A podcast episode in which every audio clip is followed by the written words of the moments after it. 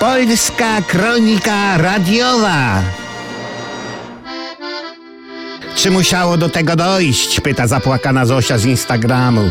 Tak, Zosiu, musiało. Jak długo można było czekać na otrzeźwienie? Dalsze trwanie obecnego stanu prowadziłoby nieuchronnie do katastrofy.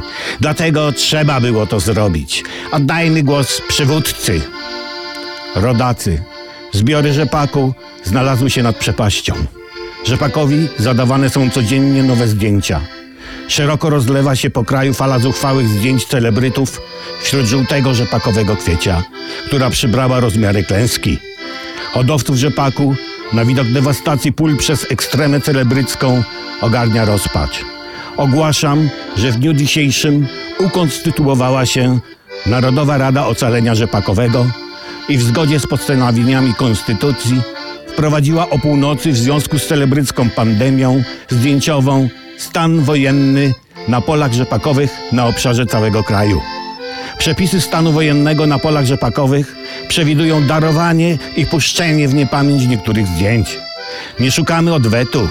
Kto bez złej woli dał się ponieść emocjom, uległ fałszywej inspiracji celebryckiej, może skorzystać z tej szansy. Zwracam się do Was, celebryci polscy.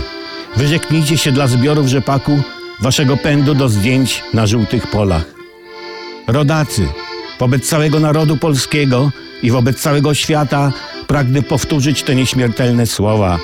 Jeszcze rzepak nie zginął, póki my żyjemy. Piękne i słuszne słowa. Otrzyj łzy, Zosiu. Jesteśmy tylko kroplą w strumieniu polskich dziejów i wydrążymy tę skałę. Wspólnie zdołamy wyplenić te chwasty z naszych żółtych pól rzepakowych.